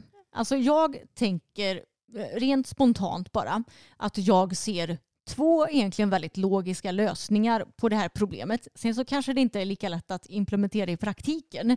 Men den första lösningen det hade ju varit om alla som jobbar som hästskötare inte nöjer sig Exakt. med de här villkoren utan att man i så fall säger upp sig. Och jag tänker att säg att alla som har de här katastrofala arbetsvillkoren hade sagt upp sig, ja men då finns det ju inga som kan jobba för dem. Om alla deras nyanställda säger upp sig hela tiden, det, blir, det är ganska så jobbigt att anställa nytt folk. Man måste lära dem rutiner och hur det går till och det i sin tur kostar pengar. Så jag menar ifall du har bra villkor från början så kanske ja, arbetsgivaren eller stallet då inser att det lönar sig. Så jag tror för det första att inte arbetstagaren får nöja sig med det hela. Men nu har vi ändå en kultur som ser ut som den gör så det är svårt att begära att alla helt plötsligt ska bara liksom Sluta jobba. ja, eller ja, vad ska man säga, sluta acceptera att det är som det är. Mm. Och så vet jag att Ulf Brumster sa ju det att det är inte någonting som Ridsportförbundet eh, ja, ska liksom ta tag i. Men jag tänker att skulle inte Ridsportförbundet kunna typ på något vis starta något eget fackförbund och ha något specifikt kollektivavtal för alla som driver stall i Sverige och som ska anställa folk där eh, det är minimumlöner och att de ska ha semester och dygnsvila och allt vad det nu kan vara som det är i vanliga avtal. Och att alla som ska vara med och jobba i stall, att de får, de får vara med i det här, eller de har möjlighet att vara med i det här. Och jag tänker att då är det säkert många stall som försöker anställa svart. Men jag tänker att då får man väl ha någon som har lite koll på det också. Som, Så att man gör, åker ut och har olika granskningar och ifall du har anställt någon svart till exempel, ja men då, får du, då blir det böter för det. Eller något Mm. Jag tänker att det, det hade ju funnits praktiska lösningar på det här problemet också. Och jag tänker att det är ju någonting som Ridsportförbundet borde ta tag i. För vi vet ju nu hur mycket som har kommit upp när det kommer till både sexuella trakasserier och mm, våldtäkter och allt vad det nu är inom hästvärlden. Men också att de som jobbar inom hästvärlden många gånger har extremt dåliga arbetsvillkor. Mm. Och jag menar det är ju någonting som jag personligen tycker att Ridsportförbundet delvis är skyldiga till. För jag menar det är ju de här ryttarna, de tävlar ju kanske för Sverige då, om vi ska ta svenska ryttare. De tävlar för Sverige och representerar Sverige. Då får de ju se till att de har ordentliga villkor för de som jobbar för dem, tänker jag. Ja men faktiskt, jag, jag tycker det är lite fjantigt att bara sticka huvudet i sanden när det kommer till det här. För att, Ja, och säga att man inte har något ansvar ja, alls. Det är klart att det är så Arbetsförmedlingen som tar hand om arbeten. Mm. Men som du säger, det borde kunna gå att göra någon form av lösning på det här. Mm. För att det är ju vedervärdigt att så många unga tjejer ska bli utnyttjade på det här viset. Mm. Det var länge sedan jag läste arbetsrätt nu. Jag är utbildad personalvetare men Mm. det var ju tio plus år sedan som jag läste det här så det var länge sedan. Men det är mina spontana tankar i alla fall och jag har personligen väldigt dålig koll på kollektivavtal och eh, eh, fackförbund och sådär Ja, i, i, generellt för jag har aldrig varit med i något själv och nu jag har ju varit egenföretagare typ hela mitt liv så alltså de reglerna har inte riktigt varit aktuella för mig att ja, vad ska man Ta säga? del av. Nej, Nej. Precis, och nu var det så pass länge sedan som jag studerade också. Men ja, jag tänker väl att det är de två alternativen som finns helt enkelt. Ja, och jag tycker det är väldigt klokt för att det är klart att det kan ju vara väldigt svårt som ung tjej. Man kanske har eh, lite respekt för sin arbetsgivare men både det och att man kanske kan vara lite rädd för att förhandla om löner och villkor och allt sånt där. Mm. Men jag menar någonting som alla eh, måste stå på sig och våga göra det att säga upp sig om man inte trivs. Mm. För att det, jag fattar att man måste ha ett jobb för att klara sig. Men samtidigt om du får 6 000 kronor ut efter en månad Mm. då är det ju knappt något att leva på. Nej, Så att verkligen. man måste stå på sig för både för sin egen skull men också för nästkommandes skull. Mm. Och det kan ju också vara värt att vara med i ett fackförbund och ha kollektivavtal. För det är ju så när du, em, när du ansöker om ett jobb så kan inte em, arbetsgivaren begära att du ska säga ifall du är med i ett fackförbund eller inte. Mm. För det är en av arbets, nej, vad säger man? arbetsrättslagarna. Så du behöver inte säga det och sen kan ju du få hjälp av fackförbundet ifall det skulle ja, men ske någonting sånt här så Mm. du kan förhandla dig till bättre villkor. Men eh, ja, jag tror att det är nog inte så många som är det just eftersom det är så normaliserat att det är så här. Och så tänker väl folk, folk att de kanske hade blivit sparkade då. Men jag tänker att det är ju någonting som ett fackförbund också borde kunna hjälpa dig med. Mm. Att du, du kan ju inte bli sparkad för att du är med i ett fackförbund. Det är ju Nej det är ju ingen giltig Nej. anledning. Mm. Nej men jag tycker att det är väldigt bra och starkt av de här tjejerna som har varit med i den här Mm. artikeln att våga dela med sig. För att jag tänker att kommer det upp till ytan så sprids det lite både bland hästfolk men också bland icke-hästintresserade. Mm. Och att man belyser problemet för att jag tänker att det kanske är steg ett mot en förändring. Jag Ja. hoppas verkligen det i alla fall. Ja, exakt. Men sen så kommer det ju inte bli någon förändring om ingen gör någonting rent praktiskt heller. Nej så är det ju. Så är det ju. Så man hade ju kunnat hoppas i en drömvärld att Ridsportförbundet på något vis hade kunnat ta tag i det här och att de som jobbar i stall verkligen ser till sitt egna värde. Jag tänker att ja, ifall du jobbar i ett stall för att tjäna pengar, det finns ju alltid Alltid är kanske fel ordval, men det finns ju många andra jobb som du hade kunnat jobba på istället. Och förhoppningsvis också då kunnat må mycket bättre än att du ska slita och jobba 200 procent, inte ha någon fritid, inte ha några pengar över. Sen så vet jag som sagt att många som jobbar kanske gör det för att de vill utvecklas i sporten. Men då kanske man också får se ifall man tycker att det är värt det eller inte. Ja, det är ju aldrig värt att slita ut sig. Nej, är det värt att eh, få utmattningssyndrom eller utmattningsdepression bara på grund av att man vill uppnå en viss livsstil i framtiden? Jag vet inte, jag mm, skulle nog inte tycka det. Nej, för har man väl trillat dit så är det ju väldigt lätt att åka dit igen. Ja, exakt. Man är ju mycket mer känslig mot eh, att hamna i samma läge. Om man har Exakt. varit med om en utmattningssyndrom. Ja, och jag är övertygad om att det finns bra stall också Ja, ja. ifall man behöver Ja, men ifall man vill lära sig mycket, både i Sverige men också ute i Europa. Gud, men ja. eh, tyvärr så är det ju så här, på många ställen har man förstått. Och sen har vi fått förslag på ett par till diskussionsämnen Anna, som jag tyckte var intressanta och som jag tänker att vi ska ta upp. Klädsel på tävling. Bör det finnas regler om vad man ska ha på sig? Varför, varför inte? Bortse från ren säkerhetsutrustning såsom hjälm och skor med klack. Jag vill veta vad ni tycker om att detaljstyra klädsel såsom krav på kavaj. Alltså kläder som inte har någon påverkan på ridningen utan som det bara finns regler kring av ren tradition och att det ska se fint ut. Nej men egentligen så är det ju helt onödigt att det finns Mm. krav på diverse plagg. Som kavaj och i dressyren ska man väl ha ljusa byxor står det väl. Ja, så kan det säkert vara. Mm. Ja, hoppningen är ju lite mer fritt numera, i alla fall i lägre klasser.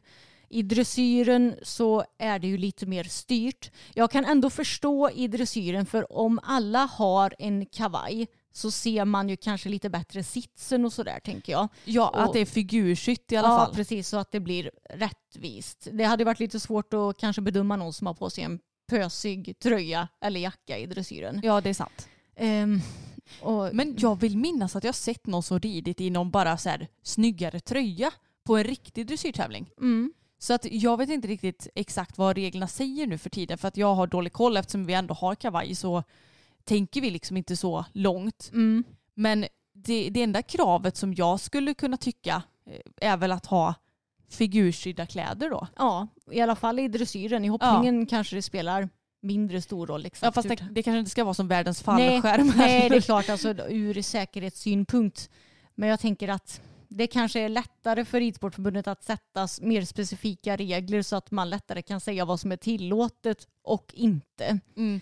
Men rent praktiskt så ja, kan jag ju tycka det är lite mossigt att ha för strikta regler om exakt vilka kläder man ska ha på sig. Ja, det enda jag tycker det är ju att det såklart är snyggt att se folk med kavaj. Mm. Men annars så har det ju ingen, det har ingen funktion överhuvudtaget. Nej, men nu när jag tänker efter är liksom inte de flesta sporter ganska så traditionsenliga med vad man ska ha på sig. Jo, Om, Jag man, tror det. om man tänker typ så här konståkning, Mm. då har de också sådana grejer till exempel. Och, ja men kvinnan har oftast en liten eh, bara miniklänning typ Ja. och mannen har byxor och skjorta. ja, och gymnastik, friidrott, alltså det, ja, de, de flesta har ju någon form av det här ska du ha på dig. Så jag tänker att det är väl inte så typiskt ridningen heller. Nej, det skulle jag nog inte säga. Men eh, för min del så hade det inte spelat någon roll om det blivit lite mer fritt. Nej, alltså mm, samma här. Jag, jag bryr mig inte om vad andra har på sig. Och jag är på mig det som jag själv tycker är snyggt och som jag trivs i och som jag känner mig bekväm i. Och nu för tiden så finns det också bra mycket skönare kavajer mot vad det fanns för ett antal år sedan kanske. Både kavajer och ridbyxor. Ja. Herregud, tänk förr i tiden när man skulle tävla dressyr. Man hade ett par bomullsridbyxor med sån här Mocka. mocka-skoning Mm. som efter varje tvätt blev stenhård. Och alla som tävlar med vita ridbyxor vet ju att man måste tvätta dem efter basically varje gång för att man blir sketen. Ja. Och sen så skulle man ha på sig den här hemska stela kavajen utan någon som helst stretch. Mm. Och dessutom ha en jättehård säkerhetsväst på det också. Som inte var, för nu för tiden så är ju ändå säkerhetsvästarna, det, det är som små bitar som är lite mer rörliga. Mm. Förr i tiden så var ju säkerhetsväst, det hade ett framstycke och ett bakstycke. Ja. That was it. Ja. Så det var ju helt vidrigt att ta på sig, speciellt på vintern. För Mm. då hade den ju dessutom stelnat av kallhet. Exakt. Så man får ändå säga att ridkläder blir ju bekvämare. Så man kanske inte har lika mycket så här inom citationstecken ursäkter att inte klä sig Nej. inom citationstecken fint. Nej, men om man ser till utvecklingen så har ju ändå det blivit lite mer loosey-goosey med vad du får ha på dig på tävling. Ja. För förut så var du väl tvungen att ha på dig kavaj hela tiden i hoppningen också till exempel. Ja men det, det tror jag. Ja, så ja, det har väl ändå gått åt rätt håll kan jag tycka. Och ja, men jag tycker ändå att det är så här trevligt med kavaj. Jag, jag, jag är inte helt anti traditioner alla gånger. Nej. Så länge det inte är till exempel hästen måste ha på sig kandar, alltså sånt där. Ja. Det är ju lite anti och du måste rida med sporrar. Det är också mm, otroligt märkligt tycker jag. Men just när det kommer så här, ja men ha på dig en kavaj. Ja, det, det är inget större bekymmer för det finns så pass många bra kavajer idag till Mm. exempel. Jag håller med. Bör det finnas olika klädregler beroende på vilken nivå man tävlar i? Varför, varför inte? Mm, jag, jag tänker att det kan vara både positivt och negativt med detta.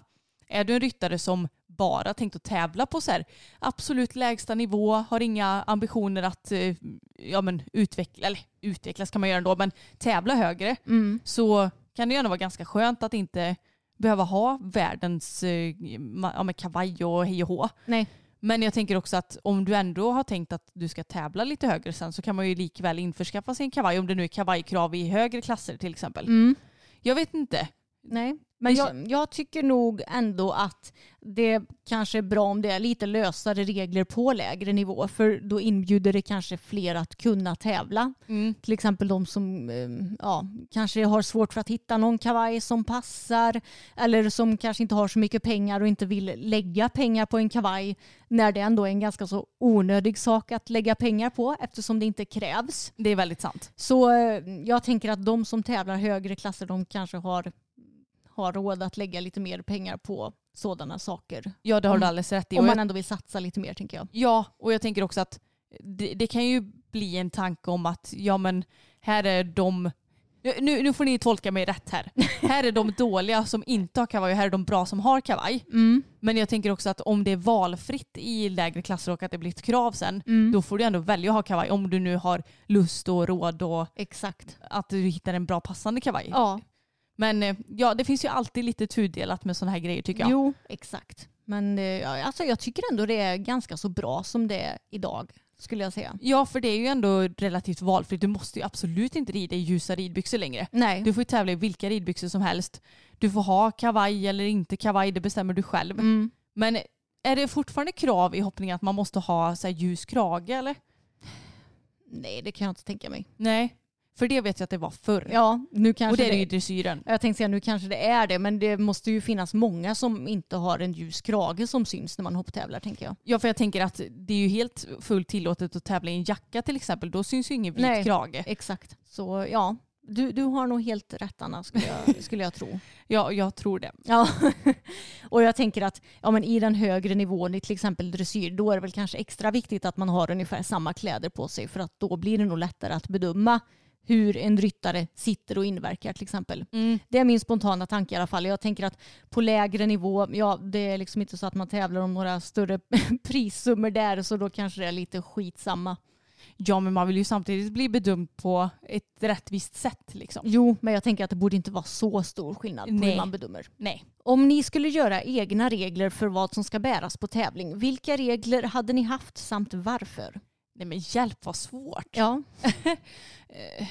Jag vet inte, har du någon spontan tanke? Nej, för jag tycker att det är ganska svårt att formulera regler när det kommer till ridsport eftersom ja, men vi tävlar för det första ute så temperaturen och eh, vädret det varierar ju också extremt mycket beroende på vilken årstid det är till exempel. Så jag menar vissa årstider kanske det är bra mycket trevligare att tävla i till exempel jacka än andra. Mm. Medan andra gånger så är det kanske trevligare att tävla i t-shirt till exempel. Ja, men jag tror att jag hade satt någon form av regel att du måste ha minst t-shirt på dig för att det är ändå det som är säkrast. Om du ska hoppa till exempel så är det ju dumt att ha ett linne på sig för att eh, trillar man av och skrapar upp axlar och sånt det kanske inte är så himla skönt. Nej. Så att minst t-shirt eh, med ja, men en kort ärm på sig och sen så får man väl rida i vad man vill Mm. tänker jag. Kavaj, jacka, det spelar ingen större roll. Nej. Men jag hade nog haft som krav att inte ha luva tror jag. Ja, jag tänkte säga det kanske är lättare att sätta krav på vad du inte får ha. Mm. Att du får inte ha skor utan klack till exempel. Mm. Du får inte rida utan hjälm. Du får inte rida i tröja med huva. Alltså ja, så, sådana grejer istället för att bestämma vad du måste ha. Ja, Sen så är det ju trevligare tycker jag att rida i lite figursydda kläder när man rider. Men det är också svårt att då ska man liksom ska man sätta något sorts mått på att så här mycket får, får jackan pösa och sådär. Det går ju inte riktigt heller. Så jag menar man kan ju inte skydda människor mot exakt allting när det kommer till utrustning. nej. Men just de här basic grejerna, klack, hjälm, huva. Finns det, Finns det något mer som är så här basic eh, grej? Ja men att ungdomar kanske ska rida med väst då också, till Ja, exempel säkerhetsväst. Precis. Ja, nej, för jag tänker att ska man sätta krav på att du måste rida med ridbyxor eller inte, då blir det också så här, ja men vad räknas som en ridbyxa, vad räknas inte som en ridbyxa? Det kan också vara svårt att säga. Ja men faktiskt. Jag, jag tycker inte att det spelar någon roll. Nej, Men man kanske ska sätta där också att det ska vara en byxa som är relativt figurnära. ja, Så att inte man tar på sig ett par eh, pösiga Mjukisbyxor. mjukisbyxor som fladdrar. exakt. Ja, nej men det är väl egentligen de reglerna jag skulle sätta. Mm. Åtminstone till hoppning i dressyren så är jag ju lite mer tudelad. För där, eftersom det är en bedömningssport så tycker jag ju kanske ändå att på ett sätt att det finns en funktion med att folk klär sig ungefär likadant. Ja men faktiskt. Så um, ja, det, det är jättesvårt att säga tycker jag. Ja men jag håller med. Men numera som jag har pratat om så är ju dressyren ändå lite mer avslappnad. För att nu får man ju, om överdomaren godkänner tror jag, Mm. rida i t-shirt. Ja, precis. Eh, Det fick man ju absolut inte för. Då fick man ju svettas ihjäl i 35 plusgrader ändå och Ja. eh, få puls på över Nivå över nivå, fem. fem. nivå 10. Ja. Död. Exakt. Nej, men eh, så det har ju blivit ändå lite mer fritt. Men det är också så, som du säger, det är svårt att se för att man vill gärna ha något figurnära. Mm. Men hur ska man skriva det i TR? Mm. Ha på det figurnära, vad innebär det? Ja, precis. Att man ska, att man ska se konturen av kroppen. Det är Ja. ju egentligen det. Mm, precis. Är det riktigt klurig, eh, klurig fråga. Intressant men klurig. Ja, vi har nog inget riktigt bra svar tror jag. Nej, jag tror inte vi har något riktigt bra svar. Men överlag så tänker jag att så länge du rider med utrustning som är säker så spelar det ju mindre roll hur den ser ut. Ja, faktiskt. Okej Anna, jag tänkte att vi ska ta och avsluta med ännu lite mer tävlingssnack. För jag läste nämligen en intressant artikel på Hipson förra veckan och den heter Hopptävling med låga startavgifter lockade ryttare. Det är dyrt att tävla. Och i den här artikeln så berättar Flyinge hästsportklubb att de hade arrangerat en trestjärnig hopptävling. Och då testade de ett nytt koncept och det var att de hade inga premier som delades ut till de placerade, alltså att man vinner pengar. Utan att istället så satsade man på att eh, ha startavgifter på max 200 kronor i alla klasser upp till 1,45. Oj, Vilket wow. är väldigt billigt. Jag läste i artikeln att en sån start brukar snarare kosta 500-600 kronor tror Ja. jag. Eh, Och sponsrade hederspriser. Så du kunde alltså inte vinna några pengar men du kunde vinna hederspriser och det var betydligt billigare att starta mot vad det brukar vara på den nivån. Och om eh, vi ska berätta för de som kanske inte tävlar så innebär ju att vinna hederspriser, ja men då kanske du vinner något täcke, borstar, pälsglans, det kan ju vara egentligen vad som helst. Det kan ju även vara, jag vet att någon gång så vann jag ju ett, när jag var 16 år, så vann jag en klass med, eller jag vann inte, men jag blev placerad med Tage i en dressyrtävling. Då vann jag ett fat som såg ut som en fisk och en fiskkniv. Och på den tiden hatade jag fisk. så jag, då var jag inte så glad över mitt hederspris. Nej. Men eh, det är ju egentligen vad hederspris är. Precis. Och anledningen till att Flyinge valde att testa det här konceptet det var för att samma helg så arrangerades det ytterligare två trestjärniga tävlingar inom 30 minuters radie. Så det var också lite bakgrunden till att de ville testa det här och se ifall det skulle funka. Ifall det slog igenom. Ja men precis ifall det slog igenom.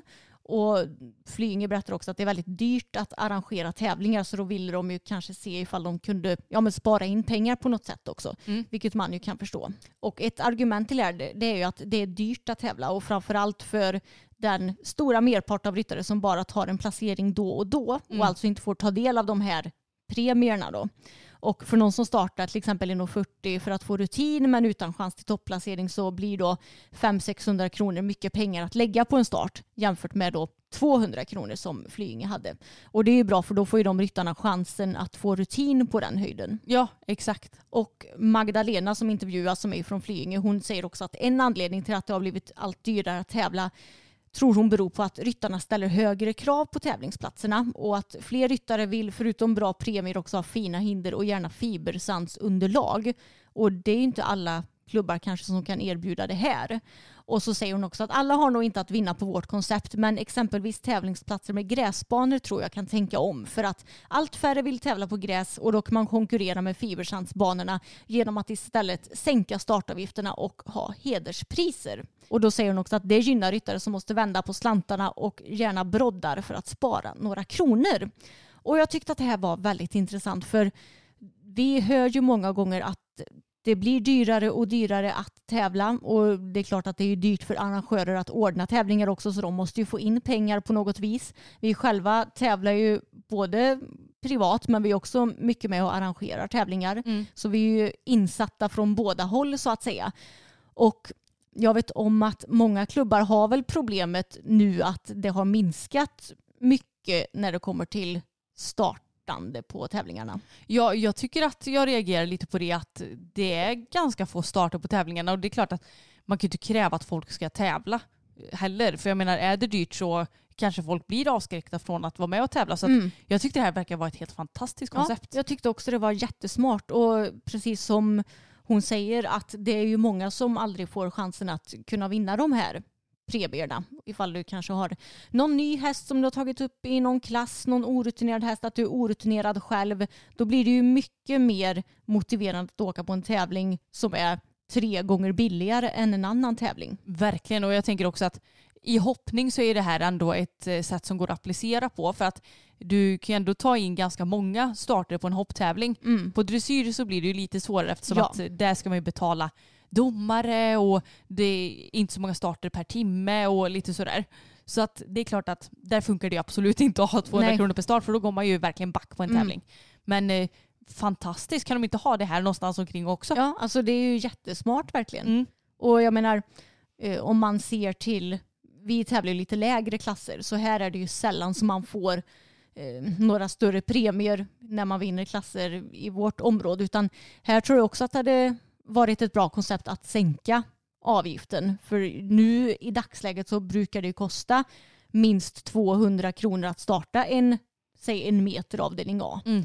Då hade de kanske kunnat sänka det lite grann. Inte dela ut några premier men att man istället har bra hederspriser. För det hade nog, jag tror ändå att det hade lockat mer på den här nivån. För på vår nivå så tävlar man inte för att tjäna några pengar. Eh, och då känns det som att det blir mindre kostnader för en om det kostar mindre. Men samtidigt så kommer ju klubben inte att få in mindre pengar eftersom de inte behöver betala tillbaka några pengar. Exakt. Och nej, jag tyckte det här var, jag blev väldigt glad när jag hörde det här faktiskt. Mm. Ja, alltså vi har haft så mycket att prata om och jag kan säga att vi har inte ens hunnit prata om allt som jag har skrivit ner i min mobil så vi får uh, ta det i nästa avsnitt kanske. To be continued. Exakt, men det är ett stort tack till er för övrigt som skickar in önskemål om vad vi ska prata om för det gör ju vårt jobb både mycket enklare och roligare och det är så kul att kunna interagera med er också. Ja men verkligen och vi hoppas att ni tyckte om dagens avsnitt. Ni får jättegärna prenumerera på podden om ni inte redan gör det och vi har ju också en YouTube-kanal där våra tävlingsdikter kommer komma ut imorgon om ni lyssnar när det här avsnittet släpps och där heter vi systrarna Elfstrand vilket vi också heter på Instagram. Det stämmer bra det. Ha det bäst hörni så hörs vi igen nästa vecka. Det gör vi. Hej då! Hej då! The late bloomers tend to have more curiosity. They tend to have more resilience. There's stories and mythology that this country has woven around black men. What if everything we've been taught is just all wrong? What's worth more than this fear right now? And that rising after failure is part of the glory of being a human being. Listen to deeply personal, insightful, and thought provoking stories from the world's leading thinkers and doers. Listen and subscribe to The Unmistakable Creative wherever you get your podcasts. Hey, it's Paige DeSorbo from Giggly Squad. High quality fashion without the price tag? Say hello to Quince. I'm snagging high end essentials like cozy cashmere sweaters, sleek leather jackets, fine jewelry, and so much more. With Quince being 50 to 80% less than similar brands. And they partner with factories that prioritize safe, ethical, and responsible manufacturing. I love that. Luxury quality within reach. Go to quince.com slash style to get free shipping and 365 day returns on your next order. Quince.com slash style.